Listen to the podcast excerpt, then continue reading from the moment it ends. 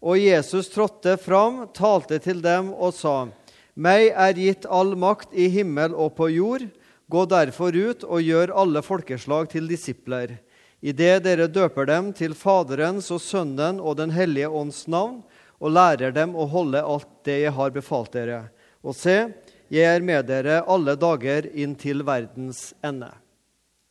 Jeg fikk nesten litt sånn dårlig samvittighet at jeg så på skjermen mens jeg sa det. Jeg har vært kristen så lenge, eh, snart kristen i 100 år, har jeg vært, at da bør man nesten og vært med i Misjonssambandet mesteparten av tida, da bør man nesten kan den utenat, tenkte jeg med meg sjøl når jeg kikka på skjermen. Men det er altså misjonsbefalinga. Og som står som en overskrift 'Døpe og lære misjonens disippelverktøy'. Det skal jeg si litt om i dag. Døpe og lære misjonens disippelverktøy misjonsbefalinga. Jeg er en sånn person som eh, er mest det, er, det, verktøyet jeg er mest vant til å bruke, det er tastaturet. Mye av min jobb er å trykke på tastatur. Og så vet jeg det er folk her som jeg uten å skjemmes en eneste plass kan si er ti, minst ti ganger bedre enn meg både å bruke hammer og, og sag og stikksag eh, og det andre dere bruker. Når dere bygger hus og skrur på ledninger og alt mulig. Skal du bygge et hus, må du ha noe verktøy. Det, det, det trenger ikke jeg bruke tid på å forklare. Det, det vet vi sjøl, teoretikere som meg. Du må ha noe verktøy. Skal du bygge, skal du skru sammen noe. Og Min oppgave, i alle fall, som jeg tror er mitt kall livet, det er å være med å bygge Guds rike. Ja, Det er ikke bare vi som er ansatte, som har den oppgaven. Det er enhver kristen sin oppgave og sitt kall å være med og bygge Guds rike. Og Da trenger vi også noe verktøy. For Guds rike bygges ikke av seg sjøl. Det er liksom ikke bare pang, så sto Guds rike ferdig.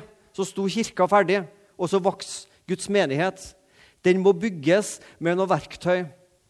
Og De to viktigste verktøyene det er å døpe og lære dem. Det står det. Det er ikke jeg som har funnet på det. Det kan jeg i alle fall veldig trygt si. Det er ikke noe jeg som jeg har funnet på. Det som blir sagt. Det har jo Jesus sjøl sagt. Døp og lær dem å holde. Det er misjonens, Guds rikes, disippelverktøy. Disippel. Disippel. Det betyr rett og slett en som følger Jesus. En som en Jeg liker det jo veldig godt på nynorsk, da, for der heter det læresvein. Så kan du jo gjette en gang hvorfor jeg liker det så godt på nynorsk. Læresvein. Det er en som læresvenn, det er en som følger i sin mesters fotspor. Bygger Guds rike. En disippel er en som følger Jesus, en kristen. Og så om ikke jeg har vært kristen i 100 år, så har jeg i hvert fall levd ca. i 45 år. Og kalt meg en kristen i ca. 30 av dem. Og Dermed så har jeg noen tiår på, på baken som i kristen sammenheng, og har fulgt med litt det vi kaller trender i Kristen-Norge. Og så har jeg lagt merke til at et begrep som er litt inn for tida, og når jeg sier det på den måten, så er det ikke negativt eller positivt ment, men det er bare sånn jeg ser at sånn er det. At et begrep som er litt inn i tida, det er begrepet disippelgjøring. Da jeg var ung, da jeg var ungdom for, ja, for 30 år siden, 25 år siden, så tror jeg vi aldri brukte begrepet disippelgjøring. Men jeg tror de fem, kanskje maks ti siste åra, så har det begrepet blitt brukt ganske mye. Og Dere som sitter her, som er mellom i fall hovedtyngden kanskje mellom 25 og 30 år, dere kjenner veldig godt til dette begrepet disippelgjøring. Hva betyr det? Hva tenker du når du hører ordet disippelgjøring? Det betyr iallfall to ting. Den første betydninga det er å bli en kristen. Det er å bli gjort til disippel. Disippelgjøring det er å bli gjort til en disippel. Og Det blir vi i dåpen og ved å tro og omvende oss. Da blir vi gjort til en disippel, til en kristen. Da blir vi disippelgjort. Men den andre betydninga som jeg tror er mer vanlig å bruke det, det er samlivet med Jesus, å vokse som en kristen og leve med Jesus. Det å vandre med Jesus hver dag og vokse i samlivet med Jesus. Sånn blir nok begrepet disippelgjøring mest brukt i dag.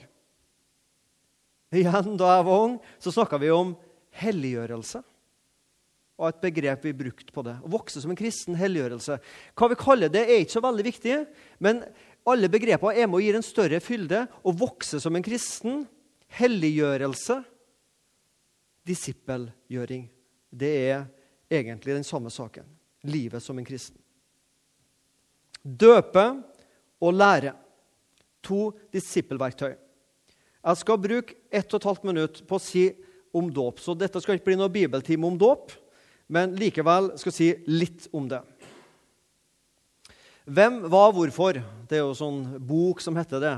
Hvem, hva, hvorfor 2011. Og så Ja. Hvem skal døpes? Hva er dåp, og hvorfor dåp? Hvem, hva, hvorfor? Jeg tror vi skal snu litt på spørsmålet, eller på, eh, på um, pronomene, eller hva det heter her, her. Ikke hvem, hva, hvorfor, men hva, hvorfor, hvem.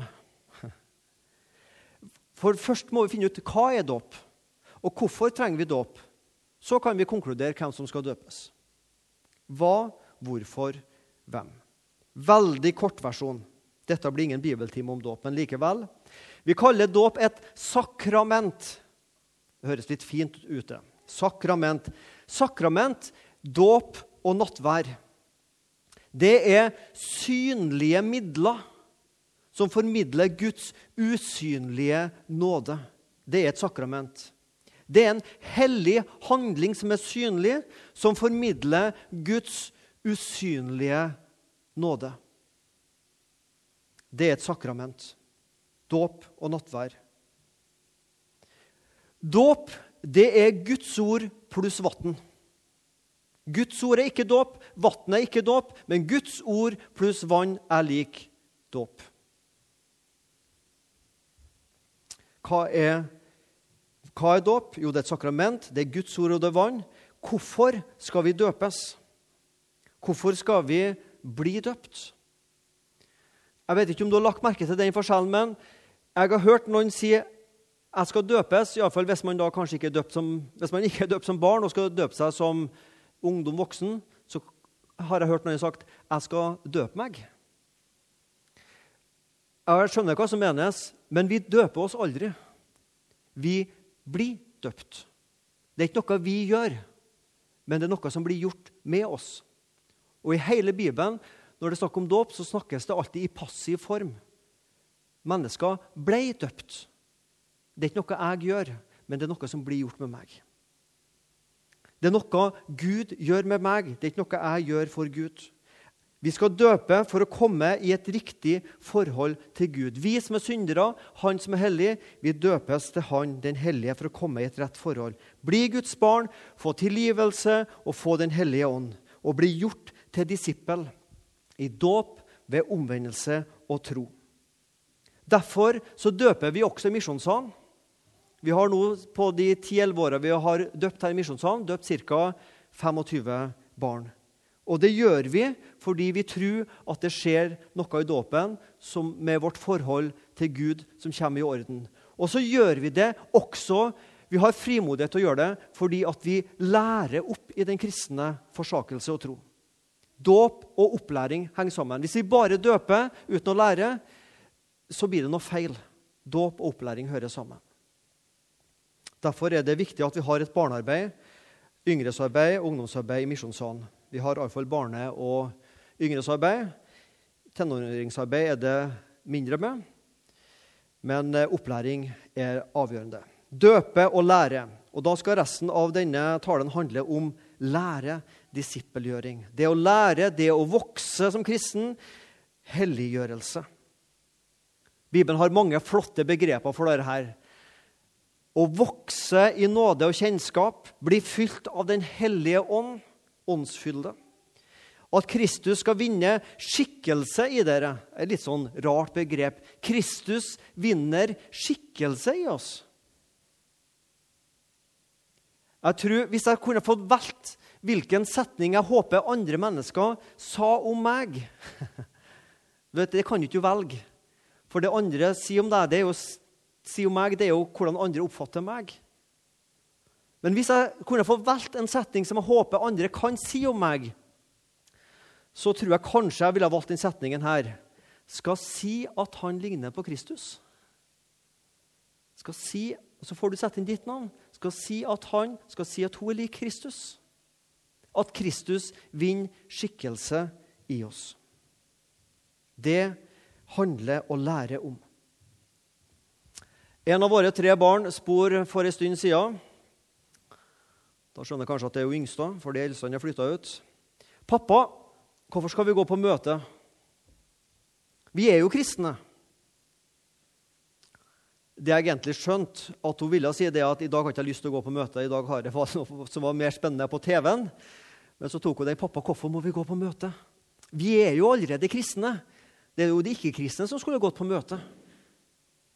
Ja, det siste er jo sant. De som ennå ikke kjenner Jesus, bør jo gjerne komme på møte for å bli kjent med ham. Men hvorfor skal vi som er kristne, allerede gå på møte? For vi, vi er jo kristne. Så måtte jeg prøve å forklare litt om det. Men har du stilt deg det spørsmålet? Hvorfor går du på møte, du som er kristen? Jeg vil anta at de fleste som sitter her eh, Jeg vet stort sett hvem de aller fleste er, så jeg vet dere bekjenner dere som kristne.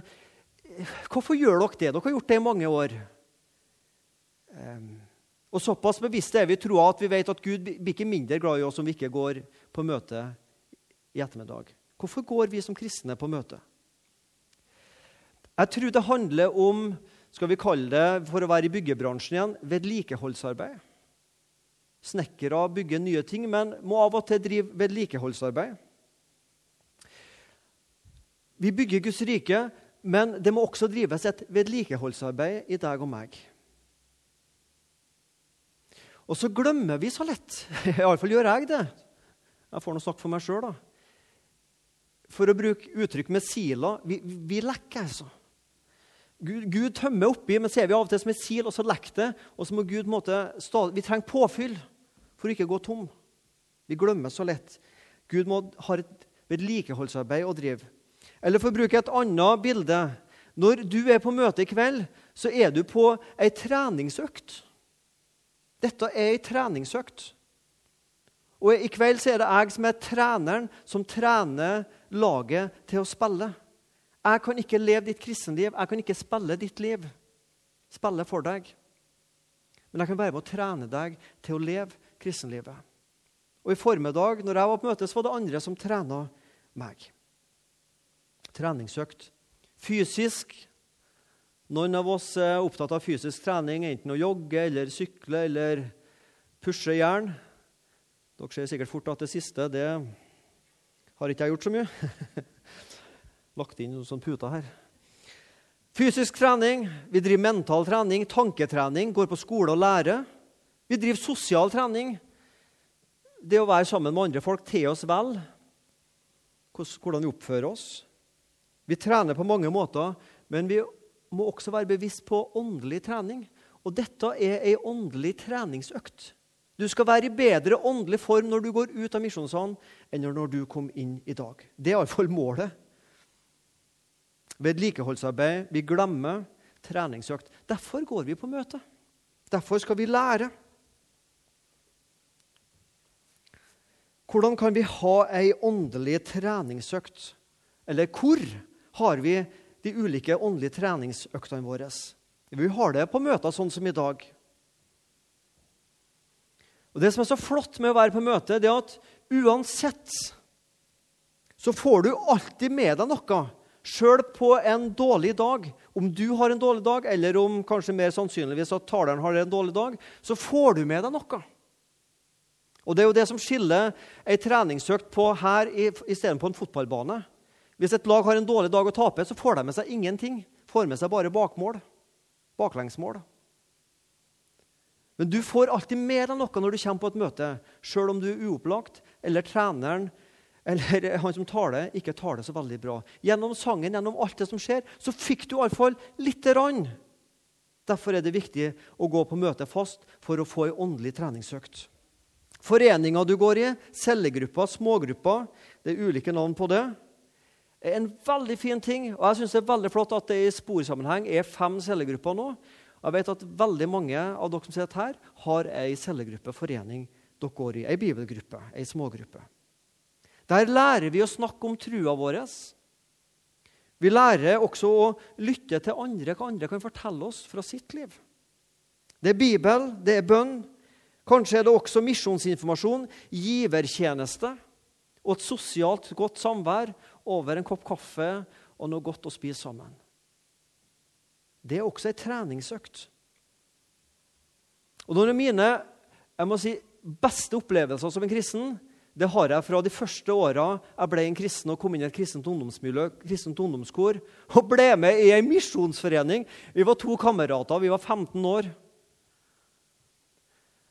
Og Foreldrene hans var med i ei misjonsforening, og de var de Altså når, når, kameraten min meg ikke var der, og foreldrene hans var så var de de yngste i foreninga. Da, da, var de 50 år. så det var bare gamlinger i den foreninga, og så kameraten og meg. Og så ble det med en par gutter til på 16-17 år etter hvert. Hvordan disse eldre kristne tok seg av oss som var yngre, og hvor de satte pris på oss. Og jeg er helt sikker på også ba for oss, og hvordan vi kunne være der. Og så, jeg husker jeg, jeg lytta til hvordan de ba. Herlighet, tenkte jeg. For noen flotte ord de bruker når de ber. Når jeg blir gammel, så kanskje blir jeg like flink jeg også å be. De har hatt så mange fine kanons ord og uttrykk. vet du. Jeg tenkte at Når jeg lærer meg dem, da hører jeg Gud skikkelig etter på bønna di. Svein. jeg har jo skjønt som åra går at det er jo ikke det det handler om om Gud. hører men det, men det var en sånn erfaring en opplevelse å være sammen med disse eldre kristne som ga meg noe. Som ga meg syn for det som har med Jesus å gjøre, og tilgivelse og synd og misjon og disse tinga. Jeg er veldig glad at jeg fikk oppleve det. Du har åndelig treningsøkt i møter, forening, cellegrupper. Alene. Du kan trene deg sjøl. Sjøltrening. Bibel. Bønn. Det å sette av en tid hver dag til å lese litt fra Bibelen, til å be noen setninger, noen minutter. Og Det krever disiplin. Det har jeg erfart, og det har alle kristne erfart. Det er ikke noe som kommer av seg sjøl. Du får aldri tid til Bibel og bønn. Du må ta deg tid til Bibel og bønn. Det er ikke noe som plutselig så detter i hodet på deg. Det er ikke noe vi får, det er noe vi må ta oss til. Disiplin. Det handler om å sette av tid til ei åndelig treningsøkt alene. Og så den fjerde som jeg har skrevet her medvandring. Og Nå er det ikke sikkert at alle er be, er så veldig kjent med dette begrepet medvandring. Det har vi prøvd å satt litt fokus på her i Misjonssalen de siste månedene. Eh, flere av dere var her siste søndagen i januar, da Ole Magnus Olavsrud fra Navigatørene var her og snakka om medvandring. I etterkant av denne ekteskapshelga som vi hadde. Og så hadde vi For en par uker siden så hadde vi også en egen medvandringskveld inne i siderommet med Ole Magnus, der flere av dere var. Eh, og dette er noe vi skal sette fokus på. Og jeg skal bruke noen minutter til å si litt om det her nå. og Vi skal faktisk lese en god del sammen. Vi skal lese et halvt kapittel fra Lukas 24 sammen. Så du ser det er småskrift. Det er liksom medvandringstekst nummer én i Bibelen. Lukas 24, vers 13-32. Eh, se, to av dem var samme dag på vei til en by som heter Emmaus og ligger 60 stadier fra Jerusalem. Og de talte med hverandre om det, alt som var skjedd. Nå er vi altså etter død og oppstandelse til Jesus. Og dette skjedde mens de samtalte og drøftet dette. Så kom Jesus selv nær til dem og slo følge med dem. Men deres øyne ble holdt igjen, så de ikke kjente ham. Han sa til dem, hva er, dere, hva er det dere går og samtaler om på veien? De sto da stille og så bedrøvet opp. Den ene av dem, som heter Kleopas, sa til ham, Er du den eneste av dem som oppholder seg i Jerusalem, som ikke vet hva som er skjedd her i disse dagene? Han sa da til dem, Hva da? De sa til ham, Det med Jesus fra Nasaret, en mann som var en profet, mektig gjerning og ord fra Gud og hele folket.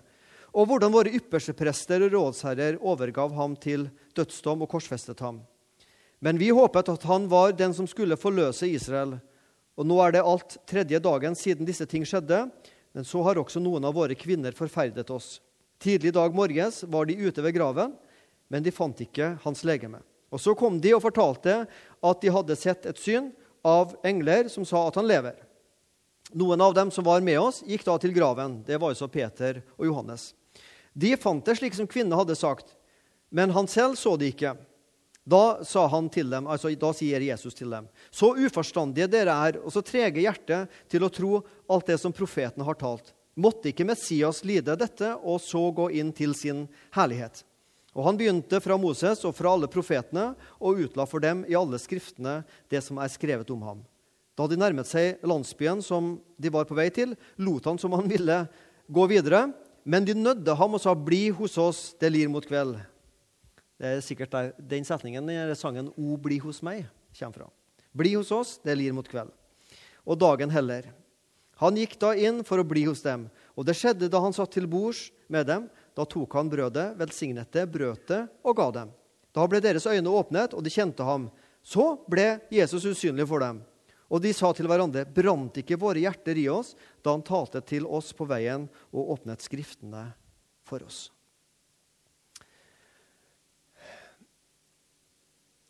Det, det jeg rett og slett skal gjøre de noen, de minutter, eh, noen, få minutter nå Jeg skal ta fram noen ting av, som, av det som Ole Magnus tok fram i talen i slutten av januar. Um, han har funnet opp kruttet, da trenger ikke jeg å finne opp igjen. Så jeg skal rett og slett ta fram noe av det som han sa den gangen i forbindelse med Lukas 24.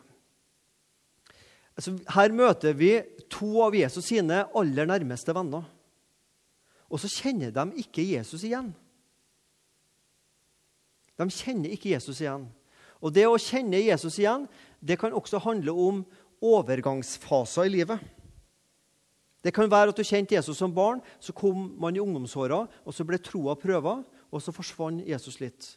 Eller du levde i et sterkt kristent ungdomsmiljø, du flytta til en annen plass, og så ble det kristne miljøet bort, og så ble også kanskje Kristus bort etter hvert.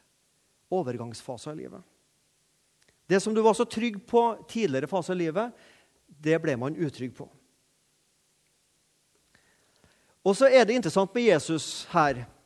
Han kunne jo ha sagt, De går jo og snakker om det med Jesus. Kunne Jesus sagt 'Hallo, folkens. Her er jeg.' altså, Han som er svaret på alle deres spørsmål, han går ved sida av dem. Og så sier han ikke 'Her er jeg', men han lar dem stille spørsmål. Jesus ville at disiplene skulle høre sin egen stemme, at de skulle høre sine egne spørsmål. Jesus stiller spørsmål. Han som var, og som er svaret, stiller spørsmål. Hvorfor er spørsmål så viktig? Hvorfor er det ikke viktigere å komme med svaret med en gang? Spørsmål hjelper oss til å finne fram i dybdene i mennesket. Den samtalen her, den førte til at Jesus la om veien. Han hadde planlagt å gå en annen vei, en annen rute, men så la han om, legge om veien. Jesus stiller spørsmål. Han går sammen med, han lytter, og han er til stede. Og Det er det det handler om, dette med medvandring. Det handler om nærvær, å være til stede overfor et annet menneske. Å finne ut hva som foregår på dypet hos andre mennesker. Medvandring det handler om at to finner sammen avtales og møtes kanskje en gang i måneden og snakker om livet, hvordan man har det. Men mer enn det også. Jesus tar med disiplene inn i ordet. Han tar dem med inn i Skriftene og viser dem hele Gammeltestamentet, at hele Gammeltestamentet snakker om Jesus sin død oppstandelse. Jesus tok med disiplene inn i Guds ord. Og medvandring det handler om å hjelpe hverandre inn i Guds ord sammen. Så det å avtales og møtes, det å snakke litt om livet Hvordan har vi det? Hva har skjedd den siste måneden? Fortell meg om noen fine ting som har skjedd. Da. Fortell meg kanskje om, Hvis du har lyst til å fortelle om noe vanskelig, og så snakker vi om det. Og så leser vi Guds ord sammen og ber sammen. Medvandring er ikke mer skummelt enn som så. Og så er dette med medvandring det tenkes på to måter. Det kan være at du finner en kamerat eller en venninne på din egen, cirka på din egen alder, samme livssituasjon kanskje, som dere avtales og møtes med. Å prate sammen med. Og medvandring kan også være at en yngre og en eldre avtales og treffes og ha en åndelig prat sammen. Det kan være samme generasjon, men det kan også være ulike generasjoner. Helt konkret Man kan bli enig om å møtes første torsdagen i hver måned. En time, en og en halv time, kanskje på en kafé her i byen. Over et uh, kopp kaffe og et napoleonskakestykke. da stiller iallfall jeg. Og snakke litt om hva har skjedd siden sist. Hvordan går det med deg? Hvordan har du det? Dele gleder og utfordringer. Ta tid til ordet og bønn. Les Guds ord sammen. Fortell hva vi ser i Guds ord sammen. Og be sammen, og gjerne be for andre mennesker. Det er det medvandring handler om. Har du lyst til å være med på det? Jeg vil i hvert fall utfordre deg til å virkelig tenke over om det er noe å være med på. Jeg har bestemt meg jeg skal være med. Det å finne noen å snakke sammen med om livet og troa, det vil du aldri angre på. Det enkleste er at du finner en sjøl. Men Helge og meg og Anne Rasmussen og ei som heter Kari Sandve, som går på ellevemøtene, vi er en sånn liten komité, så vi har sagt det sånn at hvis du har lyst til å være med, så kan du bare snakke med en av oss. Så samler vi opp navn fram til ca. 20. mai.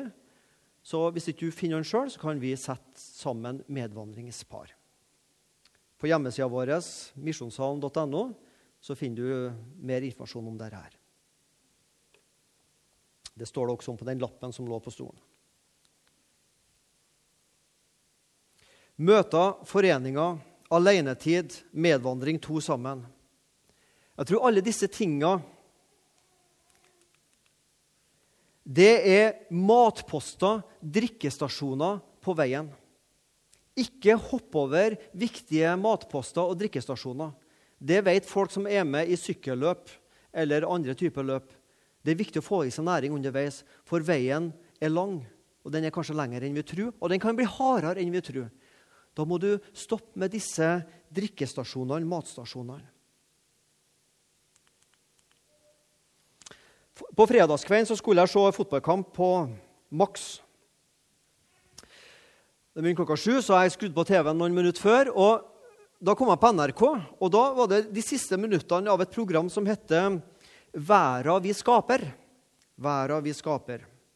Det handla om ørkenfolk i Afrika. Og hvordan dette ørkenfolket takler det å skaffe seg vann. Det å lede dyreflokkene sine til små vannpytter for at man skal overleve. Og Så så vi hvordan de gravde brønner flere meter ned i bakken, og der under nedi så var det vann. Og Så senka de ned et menneske en som trang sjakt, og så fikk opp levende vann derifra. Og så, Jeg fikk ikke med meg hele programmet, jeg fikk med bare de tre-fire siste minuttene. Men det som ble sagt på de tre-fire siste minuttene, det stoppa meg. Og det brant seg fast i meg. Det sto sånn, eller ble sagt sånn Ørkenlandskapet er brutalt. Det gir så lite og krever så mye. Men med utholdende mot, kjærlighet, intelligens og klokskap har ørkenfolket funnet måter å tyne liv ut av det lille vannet de har. Mot alle odds har de snudd et liv i tørst til tørsten etter liv. Og Jeg er sånn laga hver gang jeg hører setninga, så tenker jeg hvordan kan jeg bruke det her i ei preik? Når kan jeg bruke det her neste gang i en eller annen åndelig poeng? Og du, det skjønner du også. Her ligger det åndelig visdom. Ørkenlandskapet er brutalt. Det livet vi lever, folkens, det kan være brutalt vanskelig av og til. Det gir så lite, og det krever så mye. Åndelig ørkenliv, det krever så mye, og det gir så lite. Og så smak på denne siste setningen. Hun sa det, kona mi også, at det der brant seg inn, altså den setningen. Mot alle odds har de snudd et liv i tørst til tørsten etter liv. Jeg syns det er fantastisk sagt. det. Et liv i tørst. Og så snu det til tørsten etter liv.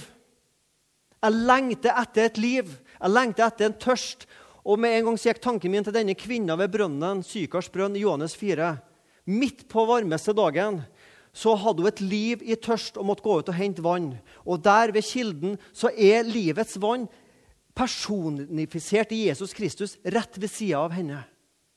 Og så snakker Jesus om det levende vann. At den som drikker av han skal aldri på en måte tørste mer etter andre ting, men ha nok med Jesus. Fra et liv i tørst til å begynne å tørste etter livet med Jesus Kristus. Jeg tror det å gå på møter, det å være med i forening, cellegruppe, det å ha alenetid med Jesus, det å ha et enkeltmenneske som du snakker med om livet, det er noe du kan tørste etter for å få mer ut av livet med Kristus.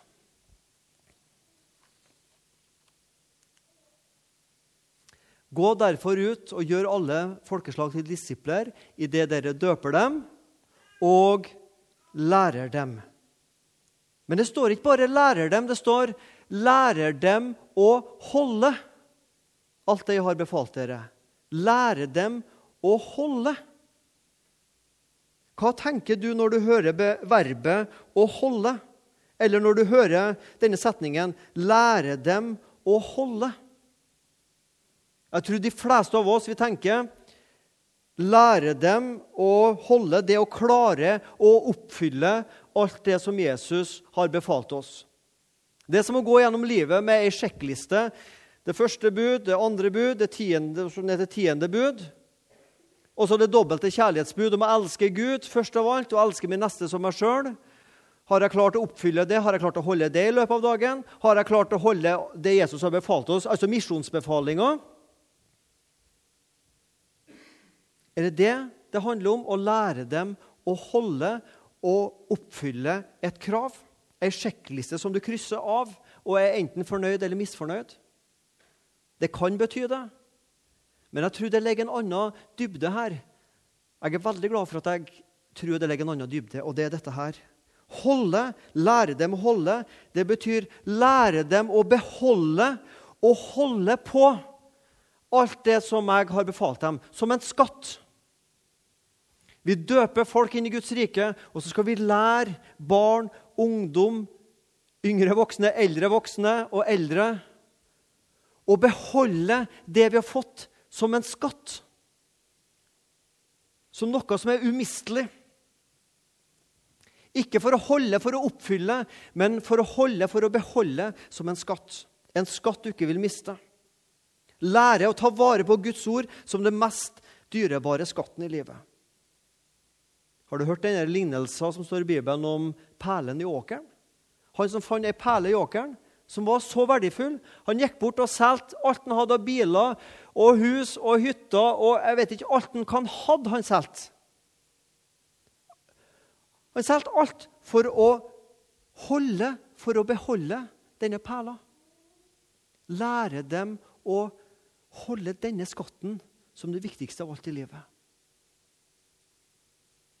Det er mye mer evangeliet i det enn å tenke at å holde betyr å oppfylle å holde buda og oppfylle buda. Og Når vi går på møter og møter som kristne, forening i medvandring, så tror jeg det handler om at vi skal hjelpe hverandre til å bli mer bevisst på verdien i evangeliet, oppmuntre hverandre til å holde på skatten uansett hva det vil koste. og sjøl få del i skatten og gi skatten videre til neste generasjon. Derfor har jeg som jeg sa, også tro på dette med mellom generasjoner. Den erfaringa jeg gjorde som ungdom, å være sammen med eldre kristne som i dag ikke lever lenger, men som ga meg noe. Og jeg tenker også på medvandring. Du må gjerne finne deg en på din egen alder, egen livssituasjon. Flott. Jeg har tatt det valget. Jeg skal finne meg to medvandrere. Jeg skal finne meg en som er en god del eldre enn meg sjøl, som har levd atskillig lenger enn meg, og som forhåpentligvis har mer livserfaring enn meg. Og så har jeg tenkt å finne meg en som er en god del år yngre enn meg, som jeg også kan lære av, men som jeg også kanskje kan dele noe av den erfaringen jeg har høsta opp gjennom livet som kristen, med. Mot alle odds så har de snudd et liv i tørst til å begynne å tørste etter livet. Fra et kristenliv prega av pliktfølelsen Min oppgave er å holde buda, holde de to store buda og holde misjonsbefalinga. Det blir plikten. Det blir et liv i tørst. Til å begynne å tørste etter et liv, til å finne og utforske mer av den skatten som ligger i evangeliet. Lære dem å holde, og beholde og holde på skatten. Helt til slutt skal jeg si noe om hellighet. Et hellig folk som er kalt til å leve hellig. Peter skriver brev, skrev to brev, i hvert fall. Vi har jo to av dem. Og så skriver han til de kristne. Men vær dere etter den hellige som kalte dere, også dere hellige i all deres ferd. Vær også dere hellige i all deres ferd. For det er skrevet i tredje Mosebok, dere skal være hellige, for jeg er hellig.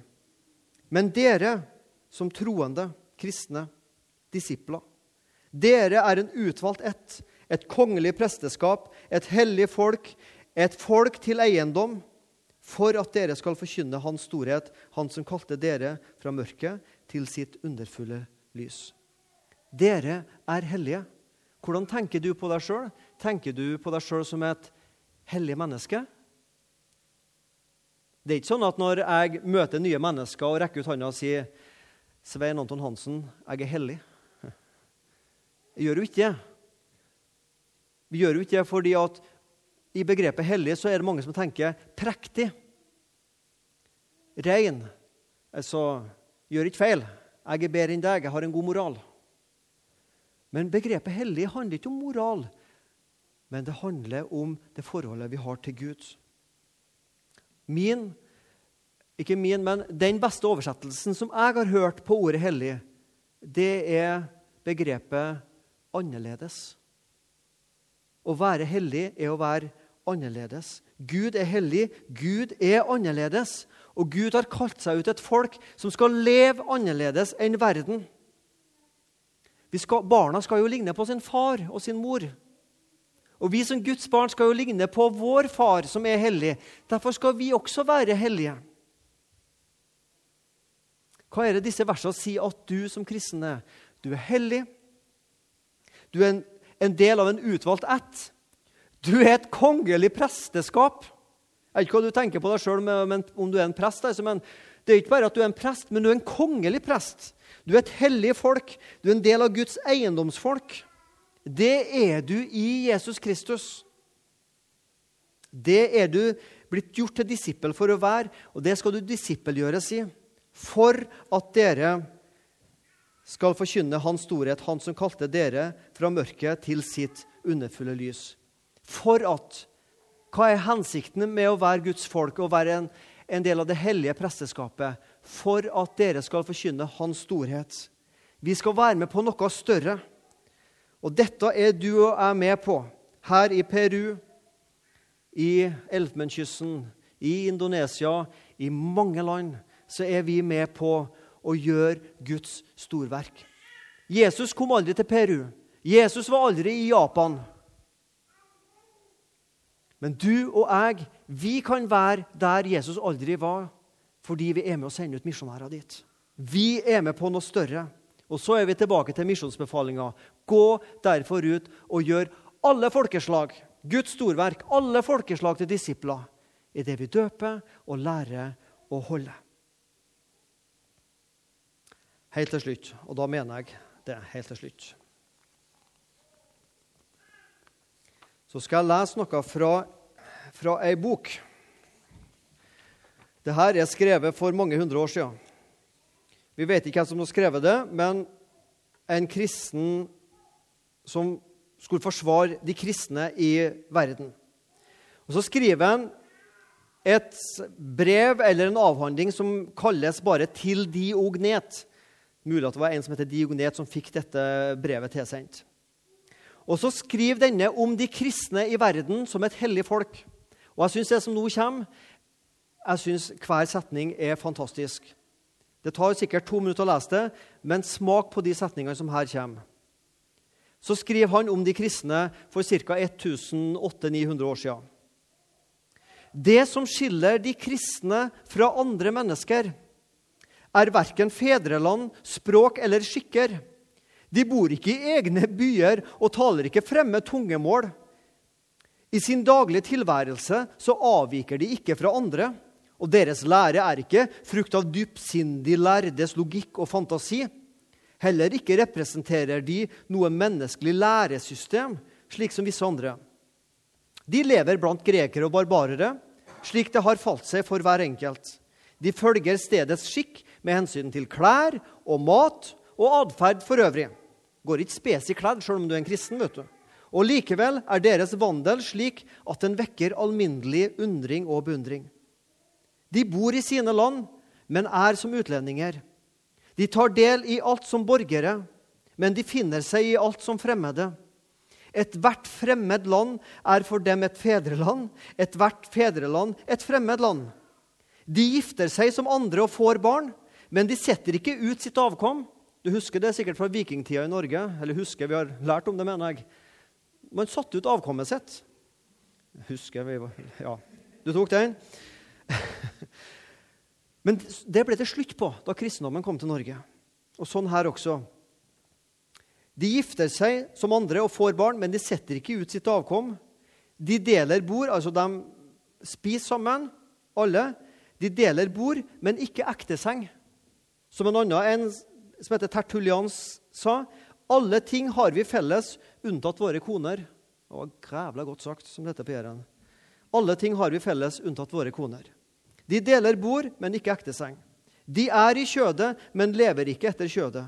De bor på jorden, men de har sitt hjem i himmelen. De adlyder de gjeldende lover, men gjør dem overflødige gjennom sin livsførsel. De elsker alle og blir forfulgt av alle. Man kjenner dem ikke, og likevel fordømmer man dem. De blir slått i hjel, men de blir gjort levende. De er fattige, men de gjør mange rike. De mangler alt, men har overflod i alt. De blir vanæret, men i vanæren vinner de heder. De spottes, men de får sin rett. De blir utskjelt, men de velsigner. De, de blir ydmyket, men de viser ærbødighet. For å si det enkelt hva sjelen er for legemet, det er de kristne i verden. De kristne bor i verden, men de er ikke av verden. Har samme jobbene som ikke-kristne. Går i samme klærne, spiser samme maten, bor i samme byene. Men livet var annerledes og vekka beundring og irritasjon uten at folk kunne forklare hvorfor de ble så irritert på de kristne. Er vi et hellig folk? Ja, vi er et hellig folk. Lever vi hellig? Lever vi annerledes? I sjuendesansen? Med pengeboka? Med seksualitet? Med andre ting? Vises det i vårt liv at vi har andre verdier? Et hellig folk, hellig i Jesu blod og offerdød. Og Hvis du er her som ennå ikke er en del av Guds hellige folk, som ennå ikke har blitt en del av det kongelige presteskapet, som ennå ikke har blitt en kristen, så blir vi kristne ved å bekjenne synd, ved å tro evangeliet og omvende oss. Kjære Jesus Kristus.